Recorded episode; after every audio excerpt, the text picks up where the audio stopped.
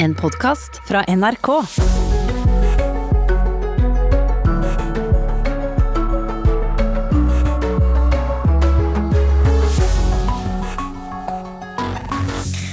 God morgen. Det er eh, mange som er spente på de nye reiserådene som regjeringen kommer med i dag. Svenskene håper på at de skal gjøre at det blir storinnrykk av nordmenn der, mens nordmenn på ferie i Spania bl.a. er redde for at de nå må i karantene når de kommer hjem igjen. Det som en gang var verdens mest berømte kirke, Aya Sofia i Istanbul, innvies som moské igjen i dag. President Erdogan skal selv lede en stor delegasjon til fredagsbønn senere i dag. Og så har Equinor nå klokka sju lagt frem resultater fra andre kvartal. og De viser at selskapet endte opp med et justert drift, driftsresultat på 646 millioner dollar. Det tilsvarer om lag 5,96 milliarder kroner. og det er svakere enn samme kvartal i fjor, men bedre enn hva analytikerne hadde ventet på forhånd. Snakke mer om dette med Equinor litt senere. Da har vi altså akkurat fått eh, tallene i hus, og vi skal se litt nærmere på dem og kommer tilbake om eh, en liten halvtime. Alt dette skjer i eh, Nyhetsmorgen i dag med Anne Jetlund Hansen og Thomas Alvarstein Ove i studio. I dag kommer regjeringen med nye reiseråd, og det har jo vært mange spekulasjoner rundt dette her hele denne uken. Fasiten den kommer ikke før klokka 14, men det vi vet er at det har vært en økning i smitte i noen land, som gjør at det kan bli gjeninnført karanteneplikt for f.eks. ferierende nordmenn i Spania. Og Samtidig kan det bli åpnet for reise til nye regioner i Sverige, til tross for at ca. en tredel av de nye smittetilfellene i Norge i forrige uke kom fra utlandet. Men kjøpmennene i Värmland på den andre siden av grensen håper så inderlig at nordmennene skal få komme tilbake. Ja, naturligvis. Vi hoppas ju, vi ber ju en stilla bön allihop att, att så skal skje nå, da. Torbjørn Schwartz mener det begynner å bli trygt å la baconsultne nordmenn komme og handle på butikken hans. Med, med, med tanke på det smittetallet som vi nå har hatt etter, som vi har tur får vi si, i Värmland, at det har vært såpass lavt så at vi kjenner at det, det bør jo ikke være noe risiko for nordmenn å komme til, til Värmland i alle fall. Värmland er blant regionene som nå holder seg på den grønne siden når det kommer til smittespredning. Folkehelseinstituttet har satt taket på 20 nye smittetilfeller i de siste to ukene per 100 000 innbyggere, noe Värmland klarer med god margin med sine ti i forrige uke og uka før der.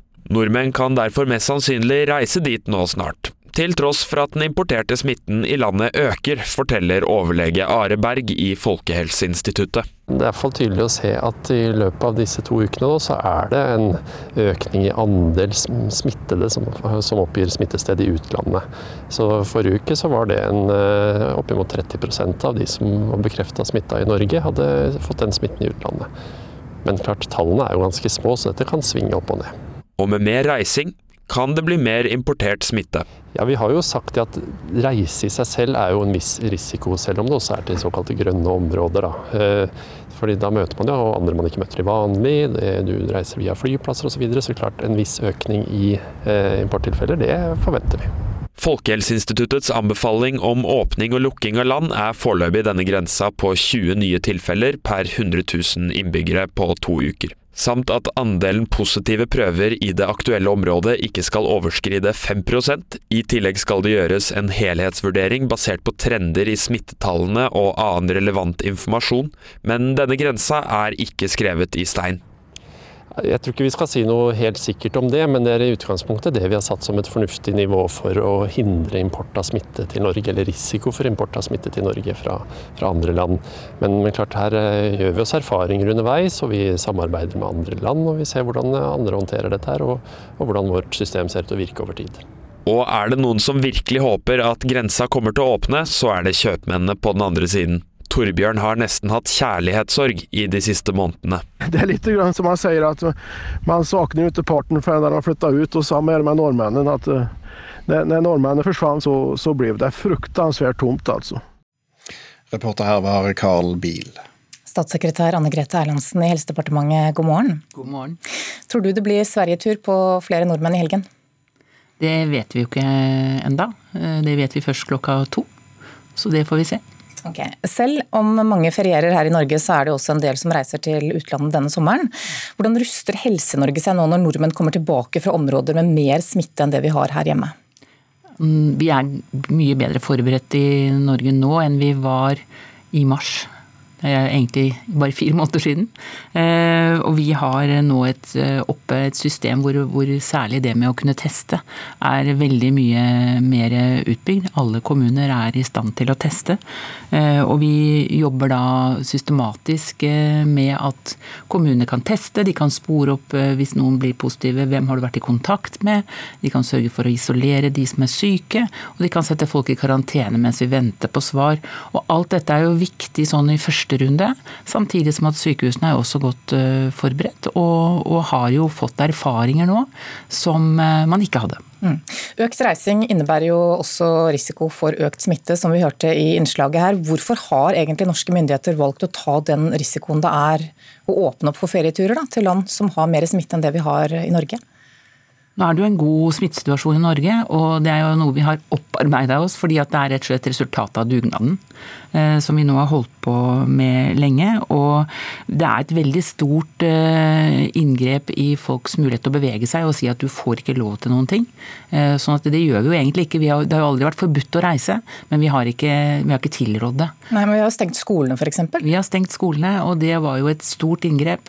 Men vi har sagt til folk at hvis du reiser til noe som er et rødt område, så må du i karantene når du kommer tilbake. Og det som vi også har vært veldig tydelige på, at det at folk må orientere seg. Og det ser vi jo at folk har gjort. Eh, bare det at Helsedirektoratet kunne sende 15 000 SMS-er til eh, folk som er i Spania nå, eh, betyr jo at folk har registrert seg for å få den informasjonen.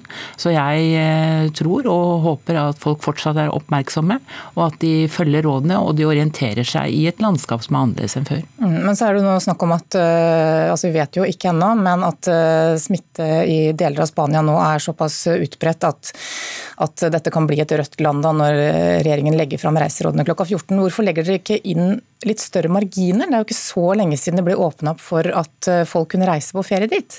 Nei, nå viser jo dette egentlig at situasjonen endrer seg øh, forholdsvis fort. Det er en uke siden vi sa at folk kunne, eller at folk kunne begynne å reise. Og det har altså, vi ser tall fra, fra, myndighetene i Europa på at ting endrer seg fort mange steder. Mm, men hvorfor legger dere ikke da inn reiseråd som, som kommer da etter at, at ting har vært litt mer stabilt i flere uker, eller kanskje til og med flere måneder? Ja, men hvis vi ser fire måneder tilbake, da, det er ikke så lang tid, så har altså veldig mye endret seg veldig i løpet av disse fire månedene. Og Det betyr faktisk at denne situasjonen er sånn at vi kan ikke vente på å få stabilitet over lang tid. Og vi ser jo også at hvis eh, noen kommer med smitte, så ser vi også at det kan bryte ut voldsomt fort. Eh, så det er en helt annen situasjon enn vi noensinne har sett. Men dere kunne jo valgt å si at i sommer så er det ikke mulig å reise på ferie i Spania uten å, å gå i karantene? Vi har aldri sagt at ikke man skal reise til Spania, men vi har ikke tilrådd det. Og Erna Solberg har jo sagt hele tiden at i år blir det norgesferie. Eh, og det tror jeg de fleste har eh, fått med seg. Og jeg tror det er et klokt råd. Eh, og det er også et klokt råd selv om grensen åpnes, så må man gjøre sine egne vurderinger. Det er risiko med å reise, og som vi hørte i innslaget, jo mer vi reiser, jo mer utsatt blir vi for å møte noen som kan gi oss smitte. Men skjønner du at det kan være vanskelig for folk å forholde seg til dette her, når de skal velge hvor de drar på ferie? Ja, Det skjønner jeg veldig godt. Det er ikke så rart å, å tenke seg at uh, når du endelig er kommet til uh, noe som ga deg litt mer sol og varme, og så får du beskjed om at hvis du ikke kommer hjem nå snart, så kan det hende at du må i karantene hvis det blir et rødt land av Spania f.eks. Klart at folk blir, blir urolige av det. Uh, men, men, vi har sagt hele tiden at folk må gjøre sine egne vurderinger.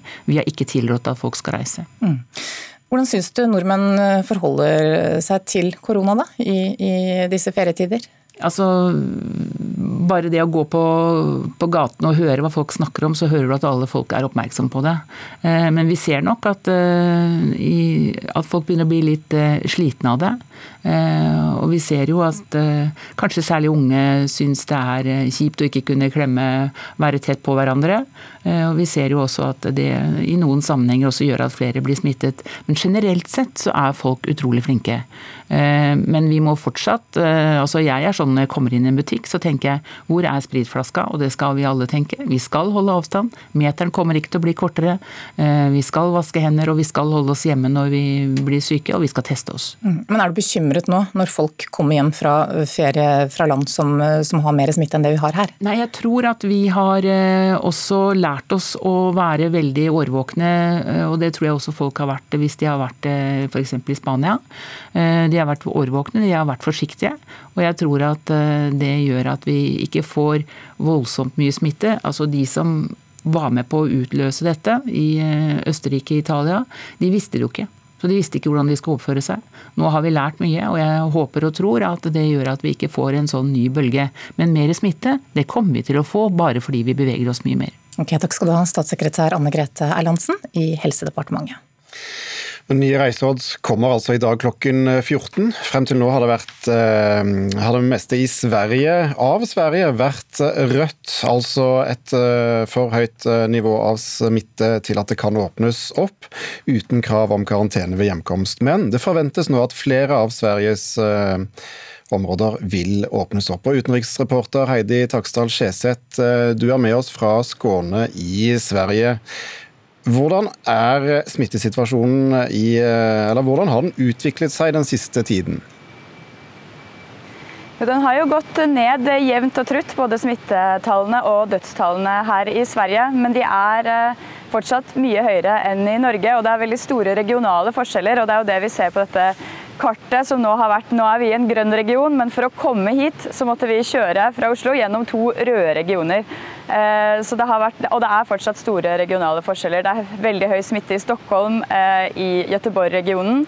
Eh, og så er Skåne, her vi er nå, er det helt på grensen. altså Dette magiske tallet 20 det ligger på 20, så det er veldig stor usikkerhet om Skåne vil bli rødt, eller om vi fortsatt kan være her uten å komme i karantene når vi kommer hjem. Ja, hvilke områder er det sannsynlig at eh, kan bli eh, grønne for oss nordmenn i dag? Ja, Det er eh, altså Sør-Sverige, Kalmar og Blekinge. Og så er det som sagt Skåne. Stor usikkerhet rundt det. Og det viktigste for, for mange nordmenn er nok Värmland, som vi hørte i innslaget før her. Der er det, så vidt jeg kunne se fra tallene, lavest smitte i, i hele Sverige. Så det der, der, ser det veldig lyst ut, men vi vet jo ikke om det bare er disse tallene som vi har, som, eh, som norske myndigheter bruker, eller om de skal ta en helhetsvurdering. Men det er, det er Värmland, og der hører jeg også de, de forbereder seg på, på besøk fra, fra mange nordmenn. Og hvis nå deler av Sverige, nye deler av Sverige blir grønt, når kan vi sette oss i, i bilen og ta en hyttetur eller eh, shoppingtur over grensen igjen? Ja, Disse reiserådene gjelder jo fra, fra, midnatt. Eh, de kommer klokken to. gjelder fra lørdag, altså midnatt eh, eh, fredag. Eh, og Det gjelder også om en region skal eh, snu andre veien, altså om det, blir, om det blir, rødt. Da setter karantenereglene inn eh, fra midnatt lørdag. Så da, da, får vi noen timer på å forberede oss enten på reise til Sverige eller reise ut av eventuelle røde regioner. Vi hørte jo kjøpmann tidligere i sendingen her fra, fra grensebutikken i, i eh, Värmland som, eh, som, ventet med lengsel og smerte nærmest på norske eh, kunder. Men hvordan er egentlig stemningen i Sverige for øvrig på at det nå kan si, rase inn med nordmenn om kort tid? Ja, Det tror jeg kommer veldig an på hvor i Sverige eh, du snakker om. For eh, som sagt, i, i Värmland eh, lengter noen etter norske turister. Her i Skåne er det veldig få eh, nordmenn, fordi jeg tror det er, det er, også det at vi må kjøre gjennom disse røde regionene for å komme hit. Men det er veldig veldig mange dansker her. Og, og svenskene her i, i Sør-Sverige er, eh, er, opptatt av danske turister. De, I går åpnet Danmark opp eh, fem nye regioner eh, for reisende. Så Det snakkes selvfølgelig mye om, om, korona, om turister, men svensker flest også har, har tatt ferien i eget land. Her i Malmö er det flest svenske turister. Noen danske og veldig få eh, norske. Takk skal du ha, utenriksreporter Heidi Taksdal Skjeseth i Skåne i Sverige.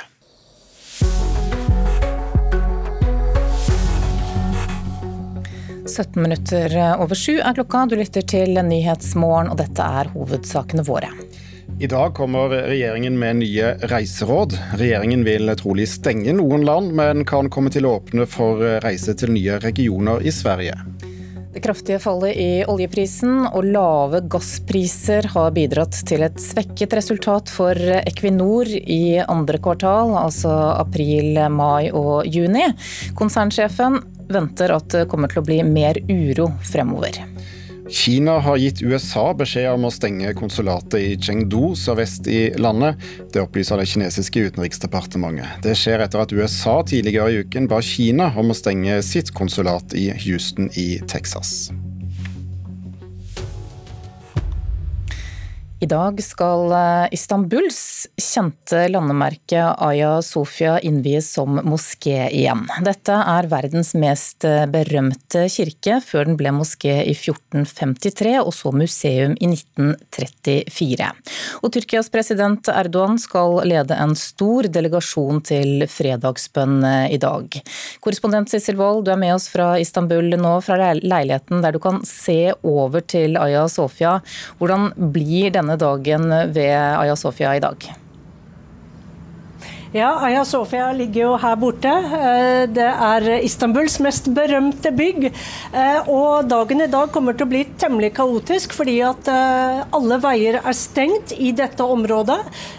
Metroen skal visstnok gå til noen stasjoner i nærheten, men hvis folk vil være med på denne seremonien utenfor moskeen, nå er det moské, så må de gå.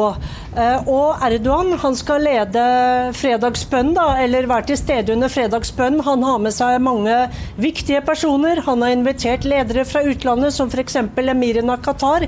Vi vet ikke om noen utenlandske ledere kommer, eh, men vi har sett eh, på bildene fra Aya Sofia i går at eh, nå har man lagt grønne tepper over hele gulvet.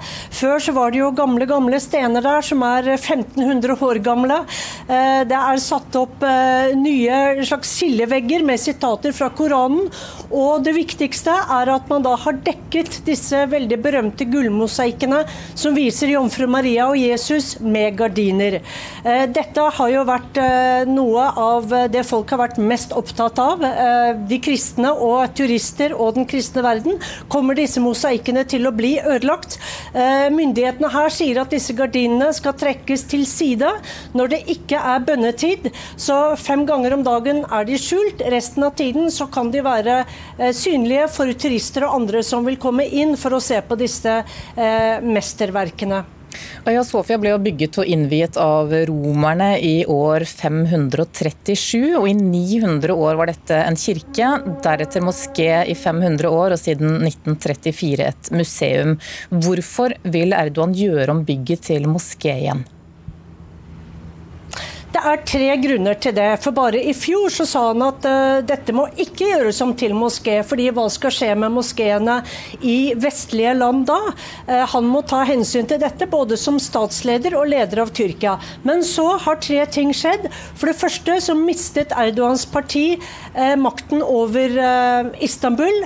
Ekrem Imamolo vant veldig omstridt valg her. Det ble jo to valgomganger fordi Erdogan ikke anerkjente valget først. Han mistet byen sin. Og det andre er at korona har sendt økonomien inn i en ny krise.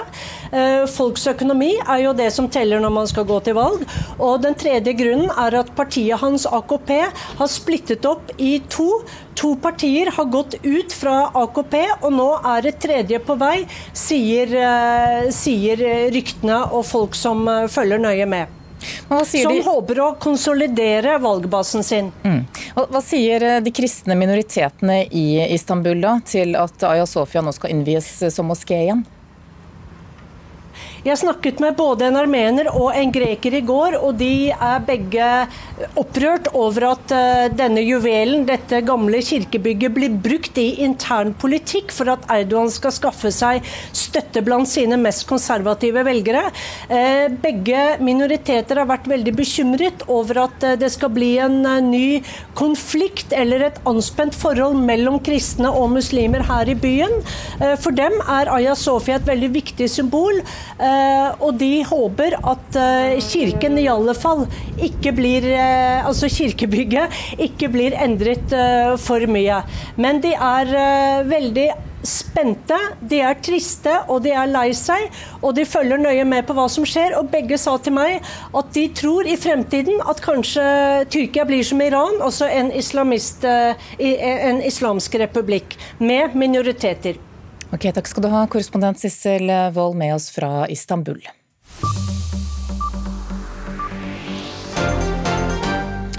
Dette skjedde mens du sov? Kina har beordret stenging av det amerikanske konsulatet i storbyen Chengdu sørvest i landet. Beslutningen kommer etter at USA har krevd at Kina stenger sitt konsulat i Houston. USA mener kinesiske agenter har operert fra konsulatet og stjålet data fra bedrifter i Texas.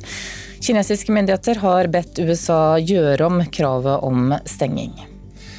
USA bekreftet i natt at et amerikansk jagerfly fulgte et iransk passasjerfly gjennom syrisk luftrom torsdag kveld. Meldinger fra iranske og syriske medier gikk ut på at passasjerflyet fra Mahan Air på vei fra Teheran til Beirut måtte gå raskt ned i høyde for å unngå kollisjon.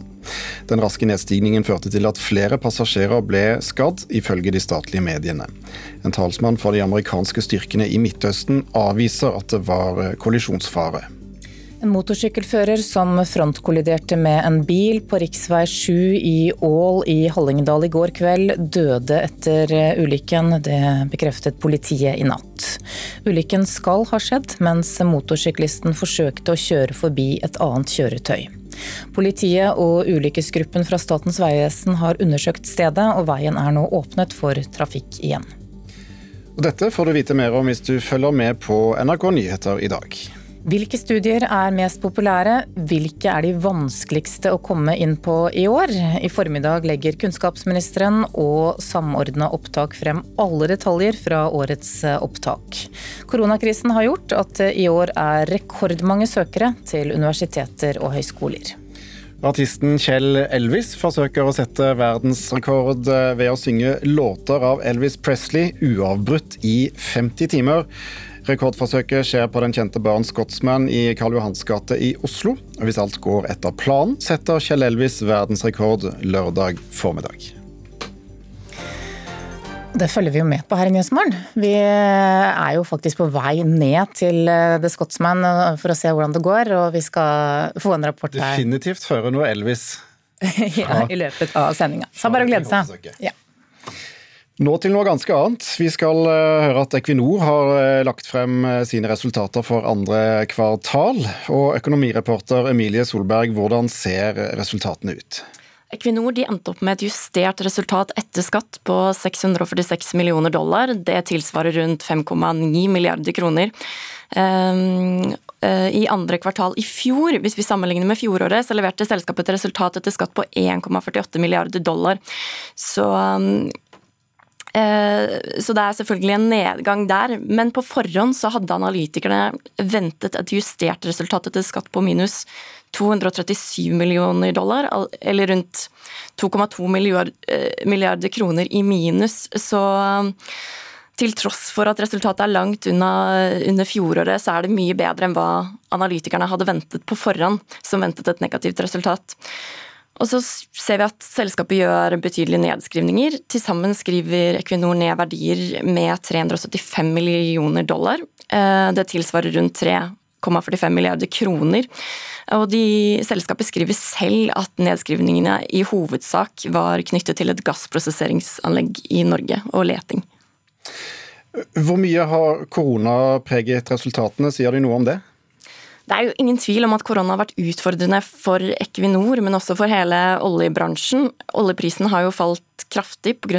Uh, usikkerhet og lavere etterspørsel. Uh, og dette har jo selvfølgelig også påvirket uh, resultatet. Det skriver de også selv, at resultatet er svært påvirket av lave olje- og gasspriser pga. koronapandemien. Og dette er jo resultatene fra andre kvartal, som gjelder for månedene april, mai og juni. Og vi så jo at uh, i slutten av april så falt jo oljeprisen faktisk under 20 dollar fatet. Nå ligger den på rundt 43 dollar fatet.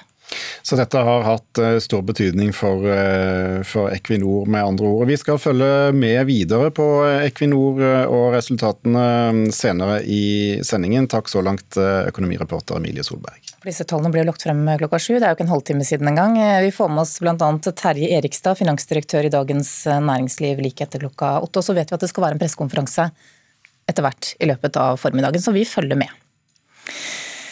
Mange har kjøpt eh, båt og ferdes på sjøen i sommer. Det er eh, ikke like heldig, mener Norges mestvinnende racerbåtsjåfør Frode Sundsal. Og det syns på statistikken. Redningsselskapet har hatt en økning på over 50% i antall grunnstøtinger så langt i år. Det jeg legger mest merke til, det er ikke den kjøringen i ekstrem høy hastighet osv., men, men det er rett og slett hensynsløshet og uvitenhet. De kommer igjennom kanalen her i Tønsberg i halvplan i en ny eh, 30-fots båt og skjønner ikke det at de drar med seg hele fjorden. Eh, så det er liksom sånn hensyn til andre. Da. Det virker som at eh, vi steger om bord i båten i år, og så lar vi forståelsen og empatien for andre som skal nyte båtlivet, den ligger igjen på, på kaia, og det er litt synd. Ja, det sa Norges mestvinnende racerbåtsjåfør Frode Sundsal. Klokka nærmer seg 7.30. Vidar Eidhammer er på vei inn og skal gi oss Dagsnytt 7.30. Eh, I sommerkvarteret om et drøyt kvarter så er idrettspresident Berit Kjøll dagens gjest. Idrettsforbundet ønsker 50 millioner kroner fra staten til OL-satsing. Kjøll sier at pengene trengs for å sikre økonomien til de som må satse ett år ekstra frem mot sommerlekene i Tokyo, Tokyo som er utsatt til neste år. Så det er klart Når de nå har fått utsatt hele sin treningsperiode ett år, så skal de dels motivere seg, ta stilling til Alle har jo planer om hva de hadde tenkt å gjøre etter OL. Og det er helt klart at her er det viktig at vi stiller opp, slik at vi, de kan være motiverte, også har økonomisk handlerom for å trene et år til. Det sa idrettspresident Berit Kjøll, som også er gjest i Sommerkvarteret kvart på åtte. Så blir det altså mer enn Equinor eh, etter hvert. Vi skal også snakke om eh, reiserådene som mange er eh, spente på i dag. Det er jo knyttet spenning til bl.a. Sverige. Ja, Nye reiseråd kommer klokken to og angår garantert både Sverige og Spania, som svært mange er spent på.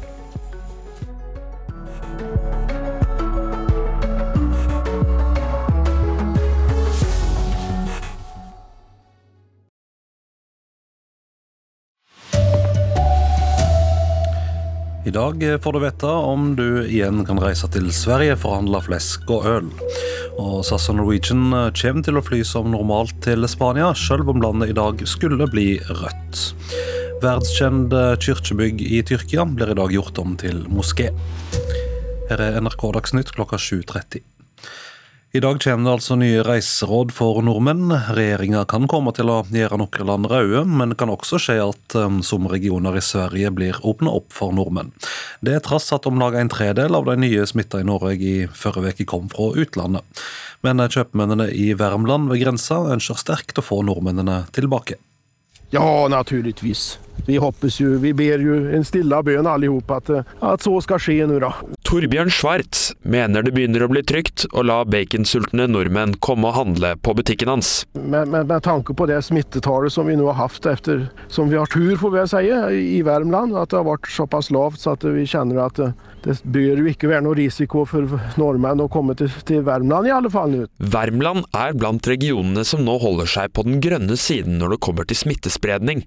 Folkehelseinstituttet har satt taket på 20 nye smittetilfeller i de siste to ukene per 100 000 innbyggere. Nordmenn kan derfor mest sannsynlig reise dit nå snart til tross for at den importerte smitten i landet øker, forteller overlege Are Berg i Folkehelseinstituttet. I løpet av disse to ukene da, så er det en økning i andel smittede som, som oppgir smittested i utlandet. Så Forrige uke så var det en, eh, oppimot 30% av de som var bekrefta smitta i Norge, hadde fått den smitten i utlandet. Ja, vi har jo sagt at reise i seg selv er jo en viss risiko, selv om det også er til såkalte grønne områder. Da. Folkehelseinstituttets anbefaling om åpning og lukking av land er foreløpig denne grensa på 20 nye tilfeller per 100 000 innbyggere på to uker. Og er det noen som virkelig håper at grensa kommer til å åpne, så er det kjøpmennene på den andre siden. Man savner jo ikke parten før de har flytta ut, og sammen med nordmennene. at uh, Når nordmennene forsvant, så, så ble det fruktansvært tomt, altså. Reporter var Carl Biel. Og Vi skal til um, Sverige nå, til utenriksreporter Heidi Taksdal Skjeseth. Du er i Skåne. Hvordan er smittesituasjonen i Sverige nå? Den har gått uh, jevnt nedover de siste tre ukene, i hvert fall, hvis vi ser på Sverige som helhet. Men så er det store regionale forskjeller. Det er fortsatt uh, høye smittetall uh, i Stockholm, i Göteborg-regionen. Og her i Skåne så ligger de og vipper akkurat på grensen, som Folkehelseinstituttet har, har sagt. Så det, det blir spennende å se i dag klokka to. Vi hørte kjøpmennene i, eh, i Värmland, der bl.a. kjøpesenteret Taxfors og Charlottenberg ligger spente på avgjør i dag. Hva område er det som mest trolig blir åpnet opp for nordmenn? Jo, I tillegg til, til Värmland så er det områdene i Sør-Sverige, altså Kalmar og Blekinge, Eh, som, eh, som, ser, eh, som kvalifiserer til da, altså ett av disse tallene. Men Folkehelseinstituttet de, har jo flere kriterier enn bare, enn bare dette 20-tallet som vi snakker om nå. Hvordan er det i Sverige? Snakker de noe om de norske reiserådene og den stengte grensa? Ja, vi har møtt mange svensker her som er overrasket over å møte nordmenn. Det er få som har tatt turen til Skåne, så vidt vi, vi har skjønt. Eh, det snakkes jo mye om det i, i Värmland og i grenseregionene, men altså nå ser det bare ut som det er av grenseregionene Värmland som eh, kan åpne opp. Utenriksreporter Heidi Taksdal Skjeseth i eh, Skåne. Og både SAS og Norwegian er også spente på dagens reiseråd fra styresmaktene. Men flyselskapene kommer ikke til å forandre rutene om Spania blir rødt i dag. Tvert om vil flyene gå som normalt, sier pressesjefen i SAS, Jon Eckhoff. Vi har satt opp et uh, trafikkprogram som, uh, som, blir stående uh, inntil videre. Og så må vi hele tiden vurdere etterspørselen etter flybilletter og, og, hvordan det utvikler seg med tanke på Spania. Det er beskjeden fra flyselskapet tross advarselen fra Folkehelseinstituttet om at Spania kan bli et rødt land i dag. SAS har i løpet av sommeren gjenåpnet direkteflyvninger fra Norge til Malaga, Alicante, Las Palmas, Mallorca og Barcelona. Spania er et viktig marked for oss. Det er klart at Når et eh, så vidt viktig marked som eh, Spania blir rødt, så vil det påvirke oss som flyselskap. Norwegian er spent på dagens melding fra myndighetene, men vil ikke si om det blir innstillinger av flyvninger til Spania. Foreløpig går flyvningene som planlagt, sier Charlotte Holmberg Jacobsson, kommunikasjonsansvarlig i Norwegian. Som det ser ut nå, så kommer vi fortsette å fly etter de linjer som vi har planlagt under sommeren. Det er risikabelt for flyselskapene å åpne ruter hvis de senere må stenges igjen. Spania-ruter er ofte minst risikobetinget i etterspørselen, og det betyr at flyselskapene får inn sårt tiltenkte penger. Risikoen for selskapene er hvis markedet snur, og det må stenges ned. Norwegian opplever at interessen for Spania-turer er stor, forteller Jacobsson. Ja, vi har jo merket at det finnes et interesse at reise Eh, söderut eh, från hela Skandinavien och nordmenn är förtjusta av att resa fram och tillbaka till Spanien. Reporter Tor Albert fra Østland. Equinor har for kort tid siden lagt fram eh, resultater i andre kvartal, og økonomireporter Emilie Solberg, hvordan ser tallene ut? Equinor endte opp med et eh, justert resultat etter skatt på 646 millioner dollar. Det tilsvarer rundt 5,9 milliarder kroner. Eh, det til tross for at resultatet er langt under fjoråret, men det er samtidig langt bedre enn hva analytikerne hadde ventet på forhånd. For da var det ventet et resultat på på rundt 2,2 milliarder kroner i minus. Eh, samtidig så ser vi at eh, selskapet gjør betydelige nedskrivninger. Til sammen skriver Equinor ned verdier eh, med 374 millioner dollar, som tilsvarer rundt 3,45 milliarder kroner. Og selskapet skriver selv at nedskrivningene i hovedsak var knyttet til et gassprosesseringsanlegg i Norge og leting. Hvor mye har pandemien påvirket resultatet? Det er jo ingen tvil om at korona har vært utfordrende for Equinor, men også for hele oljebransjen. Oljeprisen har falt eh, kraftig, man har lavere etterspørsel. Eh, og dette har jo selvfølgelig påvirket eh, også resultatet for andre kvartal. Og det skriver Equinor også selv, at resultatene er påvirket av lavere olje- og gasspriser. Reporter Emilie Solberg. Og så til uh, Tyrkia. Der blir Aya Sofia i Istanbul vigd som uh, moské i dag. Den tyrkiske presidenten Recep Tayyip Erdogan er til stede under fredagsbønna i bygget, som har vært et av de mest kjente kirkebyggene i verden. Korrespondent Sissel Wold, du er i Istanbul og kan se på Aya Sofia. Hvordan uh, tror du dagen blir? Jeg tror den blir ganske kaotisk, fordi store deler av byen er stengt i området rundt Aya Sofia.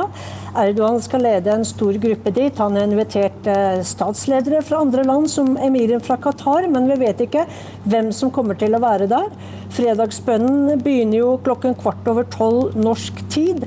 Og vi har sett også på bilder at eh, nye grønne tepper er lagt på de gamle stengulvene, som jo er over 1000 år gamle. Og man har også dekket til disse berømte gullmosaikkene der hvor det var bilde av Jesus og jomfru Maria med gardiner. Disse gardinene skal da skyves fra når det ikke er bønnetid, hører vi her. For å ta litt historie, Bygget ble reist på 500-tallet og var kirke fram til 1400-tallet, da det ble en moské. Men for kring 85 år siden så ble det museum, og nå altså moské igjen. Hvorfor blir Aya Sofia nå moské igjen? Det er tre grunner til det. Erdogan har mistet mye oppslutning. Han trenger en sak som han kan eh, aktivere og styrke velgerbasen sin på. I tillegg så har han mistet Istanbul. Istanbul ble jo vunnet av opposisjonen i fjor. Og i tillegg så begynner partiet hans å splittes. I tillegg til det så gjør jo korona økonomien her veldig vanskelig, noe som gjør at også folk er misfornøyde med presidenten. Så han trenger denne saken som en politisk innenrikssak.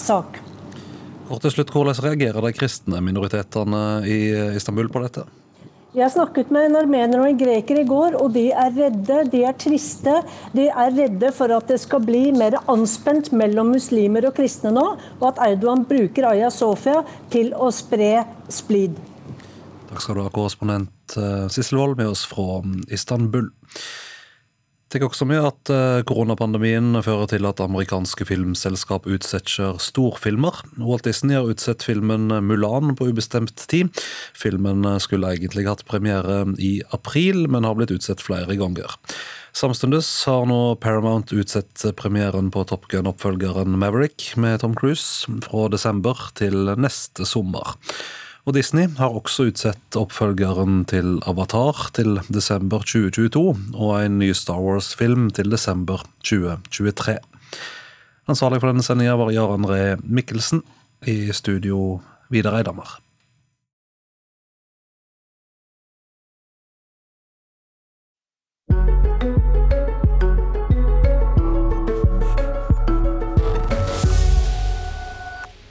Klokka er 7.40, eh, og i Nyhetsmorgen nå skal vi høre at interessen for krigsminner har økt over hele landet de siste årene. Og nå skal du få være med den tidligere forsvarsoffiseren Tor Reidar Boland på krigsminnevandring i barndomsbygda hans, Langfjorden i Finnmark. De dro skytsene opp, eh, opp her. Eh, Pøsa på med mannskap og, og, og russefanger. Og så dro de dro de skytsene opp. Vi har blitt med Tor Eida Boland på krigsminnevandring i naturen.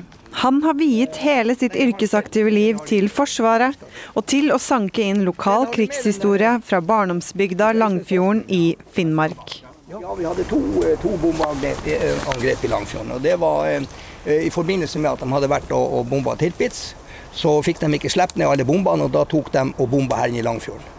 Ehm, de sprang jo i fraukjellerne, de her langfjordingene da. Noen var jo toskete, bl.a. min familie sprang til skogs. Og Da fortalte, fortalte mor mi at da kjente de splintene for rundt øra. Selv om det er 75 år siden krigen tok slutt, er avtrykkene fortsatt synlige i naturen. Og det er kanskje ikke så rart, med tanke på at over 5000 tyske soldater var stasjonert her i løpet av krigsårene. 15 personer har blitt med på tur denne julidagen, og blant dem er Jon Inge Strømsnes fra Asker. Han har latt seg friste av en krigsminnetur i det grønne. Det er jo en spennende historie. Og for en eh, østlending så er det jo ekstremt spennende, for her skjedde det jo noe. Der jeg kom fra, skjedde det ikke en dritt. vi går eh, videre bortover. Nå går vi på gjengrodde stier, mens historieforteller Tor Eidar Boland peker ut gamle kanonoppstillinger. Mange er fortsatt ikke klar over hva tyskerne holdt på med her eh, i Langfjorden eller i resten av Finnmark. En befolkning som tok tok støyten, for å si det sånn. Og evakueringen og alt dette her, det er jo kjempeinteressant. Og det må man passe på ikke forsvinner og blir borte.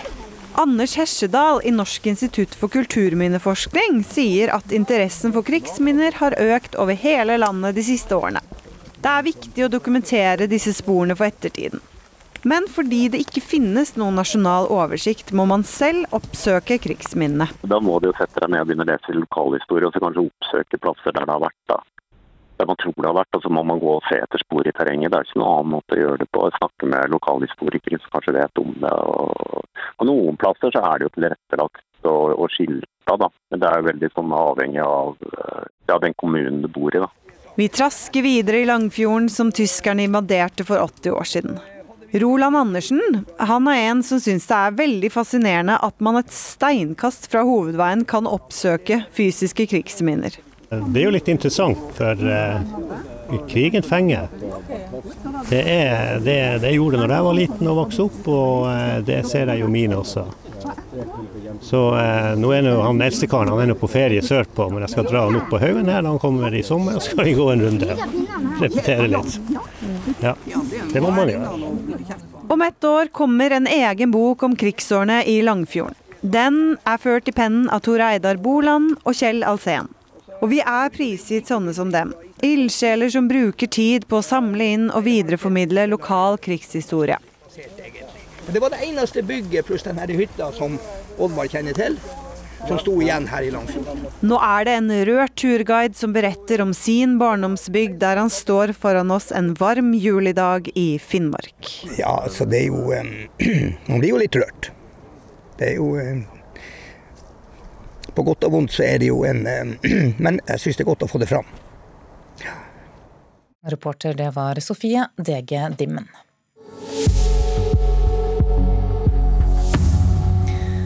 Klokka er 7.44. Du lytter til Nyhetsmorgen. Hovedsaken vår det er at i dag kommer regjeringen med nye reiseråd. Regjeringen vil trolig stenge noen land, men kan komme til å åpne for reise til nye regioner i Sverige. Idrettspresident eh, Berit Kjøll skulle vært i Tokyo for å heie norske idrettsutøvere frem til OL-medaljer. I stedet må hun forholde seg til hvordan manglende vaffelsalg på dugnad skal kompenseres, og diskusjoner om hvorfor noen får spille fotball og ikke andre. Reporter Olav Juven har møtt eh, sjefen for norsk idrett i dagens eh, sommerkvarter.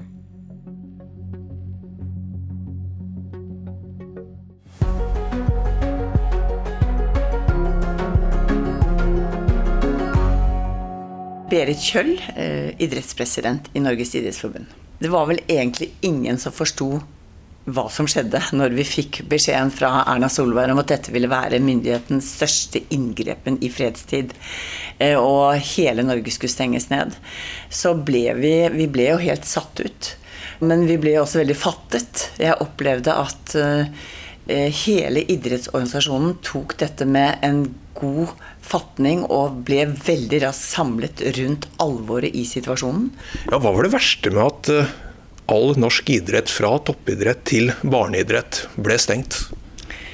Det verste eh, som, nå, som, gikk veldig fort opp for oss, eh, det er jo helt klart at veldig mange er så sterkt engasjert i idretten. Og den fellesarenaen og det fellesskapet som idrett faktisk betyr, og er en stor del av eh, oss menneskers liv, det blir jo tatt fra dem. Så det er klart, dette ble veldig, veldig fort et et åpent sår, og et, man ble litt forvirret for at man ikke kunne drive aktivitet i fellesskap sammen med gode venner, enten det var barn, unge eller voksne. Og også de som drev med topp, eller driver med toppidrett. Det er deres yrke. Det ble på en måte yrkesforbud. Men det var jo veldig mange andre yrkesgrener også som fikk hverdagen og, og dagene sine endret dramatisk. Så det er klart, dette ble en helt, helt ny situasjon for oss alle. Ja, samtidig var jo skoler og andre fritidsaktiviteter også stengt, så det ble vel en del PlayStation på ungdommen i den perioden? Ja, det blir jo plutselig Alt blir jo snudd på hodet. Eh, men det jeg opplevde veldig raskt, var også den kreativiteten som eh, ynglet rundt i alle mulige idretter. Vi har jo tett på 200 idretter. Eh, og vi har 55 særforbund og 11 idrettskretser. Og den kreativiteten som veldig kjapt kom opp å stå i forhold til det digitale, og, og hvordan man delte og, og motiverte og inspirerte hverandre, også på tvers av idretter, for å holde seg i gang i denne fasen. Så det er, altså mulig, å, det er også mulig å drive også idrett på Teams, f.eks.? ja, vet du hva. Jeg må bare si at jeg ble skikkelig imponert, og mange med meg. Og, og, veldig kjapt det å sitte stille når du er så aktiv som når du driver idrett på et, på et, eller annet nivå, så er det klart at det å fortsette den aktiviteten eh, Det var sirkeltreninger i kjellere, det var deling av utrolig mange, mange gode ideer på, på Teams eller på digitale medier, som gjorde at folk eh, holdt Norge i gang, rett og slett på aktivitetssiden. Ja, hva har vært viktig for dere når det gjelder dette med gjenåpning, som jo nå har skjedd gradvis fram mot, eh, mot sommeren? Eh, det som har vært viktig for oss i hele koronasituasjonen, det er aller først å bidra til den felles dugnaden. Slik at vi hensyntar smittevern best mulig i alt vi gjør. Så har vi jobbet langs to akser. Det ene har gått langs hvordan kan vi nå bidra til gradvis gjenåpning på en forsvarlig måte. Det har vært det ene løpet. Det andre vi har vært opptatt av, det er de økonomiske konsekvensene. Enten det er det aller minste idrettslaget eller en proft, kommersielt drevet eh, sportsklubb, eh, særforbund, kretser. Hvordan blør nå det enkelte organisasjonsleddet i forhold til koronasituasjonen? Å få en god oversikt over de økonomiske konsekvensene og kommunisere det veldig tydelig med myndighetene. Er de krisepakkene, for å bruke et slikt uttrykk, til idretten og frivilligheten, er de gode nok?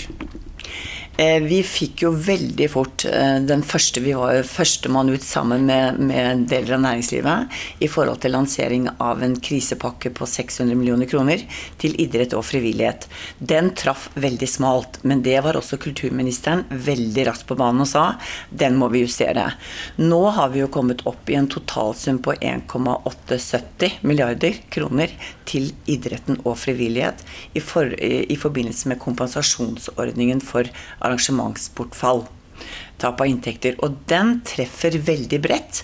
Og vi har jobbet ordentlig godt sammen med idretten for å definere alles behov. Men får lagene kompensert f.eks. For, eh, for manglende vaffelsalg på arrangementer, som jo er viktige inntektskilder nede på grasrota? I første runde av den kompensasjonsordningen som kom, fikk de ikke det. Men nå har vi fått det inn. Det er vaffelsalg, det er bortfall av inntekter i forbindelse med eh, eh, hva heter det, sånn eh, loppemarkeder. Det er billettinntekter forbundet med parkering osv. Vi har jo en helt spesiell inntektsmodell i idretten som er vanskelig å forstå hvis du ikke er en del av det. Så det har vært veldig viktig for oss å synliggjøre alle de inntektsstrømmene vi har, også sponsormidler. Det høres jo veldig svært ut når jeg bruker det begrepet, men det kan være en lokal Kiwi på hjørnet som, som støtter opp om sitt idrettslag. Så det er så viktig for oss å ha synliggjort summen av alle de små strømmene som er med på å sørge for fundamentet i et lite eller et stort idrettslag og en klubb. Her forteller idrettspresident Berit Kjøll om beregninger som viser at verdiskapningen i norsk idrett er på nær 36 milliarder kroner, der frivillig innsats utgjør nesten halvparten. Hun sier at det vil være behov for kompensasjonsordninger utover de som ligger på bordet. Og da ser jeg ordentlig frem imot å få en god oversikt når alle har søkt og fått innvilget. Hvordan står det da til? For da blir det viktig å se hva er det vi mangler. Og det jeg vet at vi mangler, det er en grasrotstøtte til alle våre 11 000 idrettslag. De kommer ikke inn under en arrangementsordning i fullt monn slik vi trenger det. Så det kommer vi tilbake til. Og en ting til som ikke kommer inn, og det er jo erstatningen nå til de som fikk utsatt OL. Eh, og OL-utøverne våre. De, er, vi snakker om kanskje 50-60 toppidrettsutøvere som må, med deres støtteapparat, som må holde hjulene i gang år lenger enn det som var planlagt. Og det har vi beregnet koster, har en kostnad på 50 millioner kroner. Som jeg også vet at vi har en veldig god dialog med kulturminister og andre eh, politiske partier i forhold til også at den ordningen må på plass over sommeren.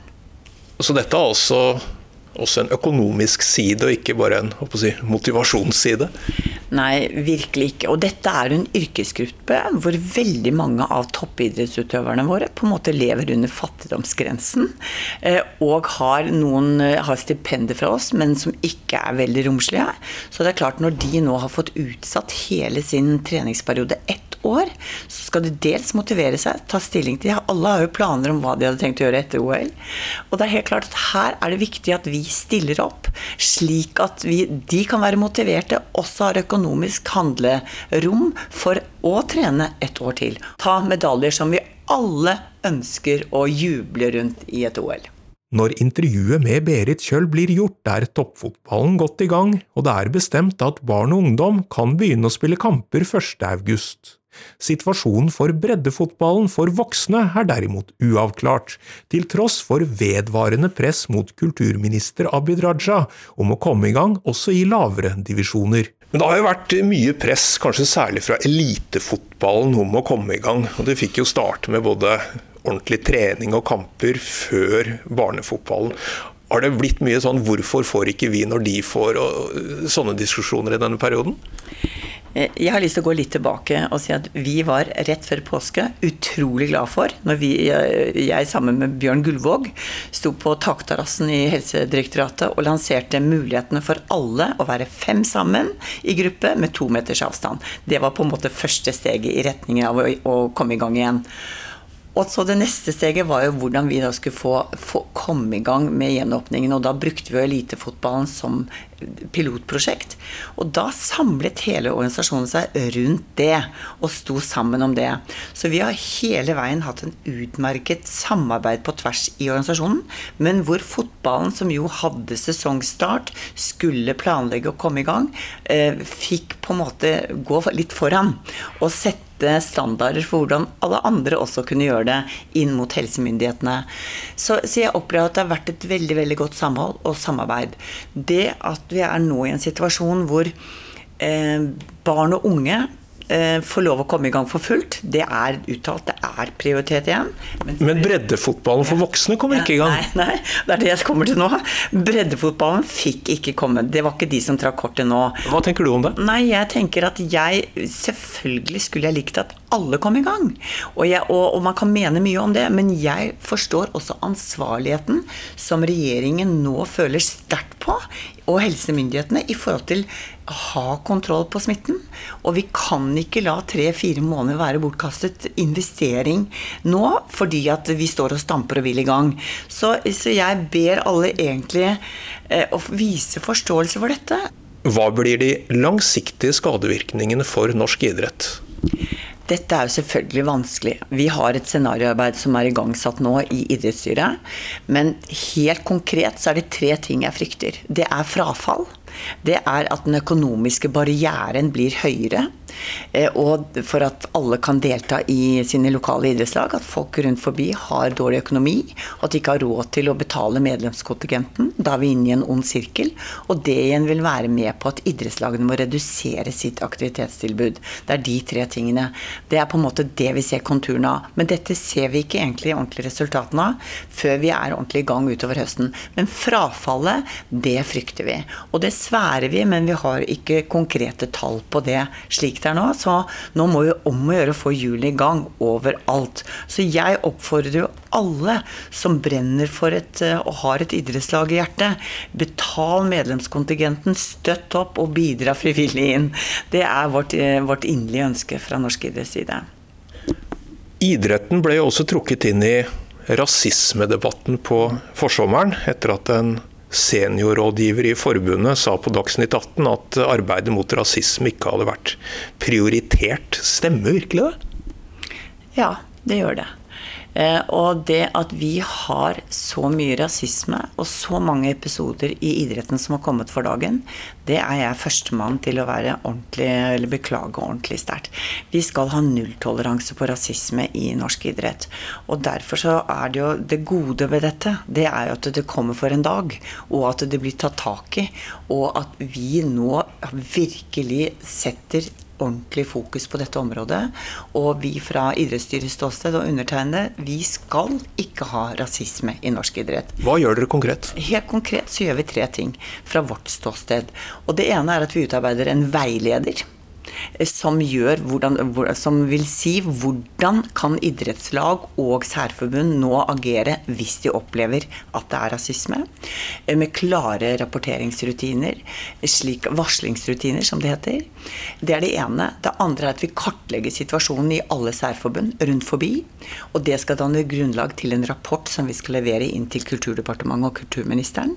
Og det tredje er valgkomiteene. Her bør vi prøve å få eh, personer med minoritetsbakgrunn inn i selve valgkomiteen, men også at valgkomiteene virkelig bestreber seg på å få minoritetsbakgrunnpersoner minoritetsbakgrunn-personer inn i styret rundt forbi, så vi slipper disse blenda hvite styrene rundt omkring.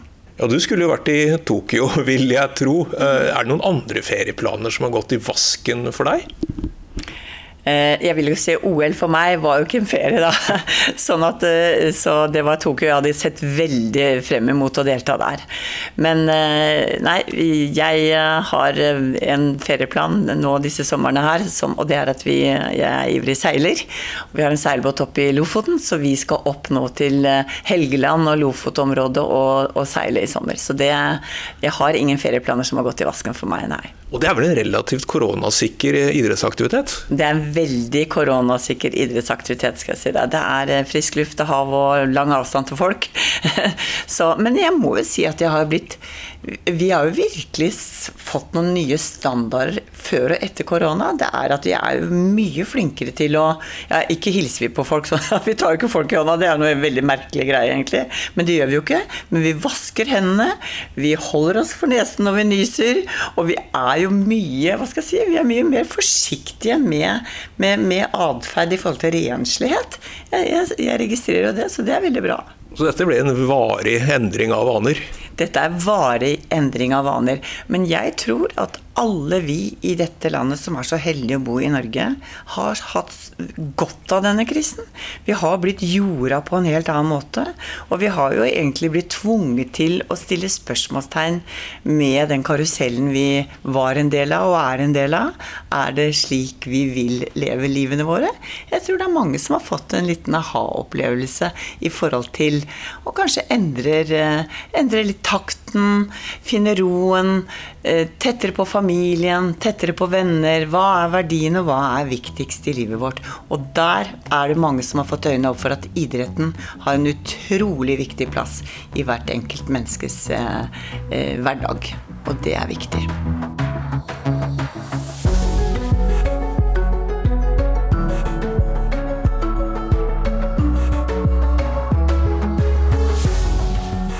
Du har hørt en podkast fra NRK. Hør flere podkaster og din favorittkanal i appen NRK Radio.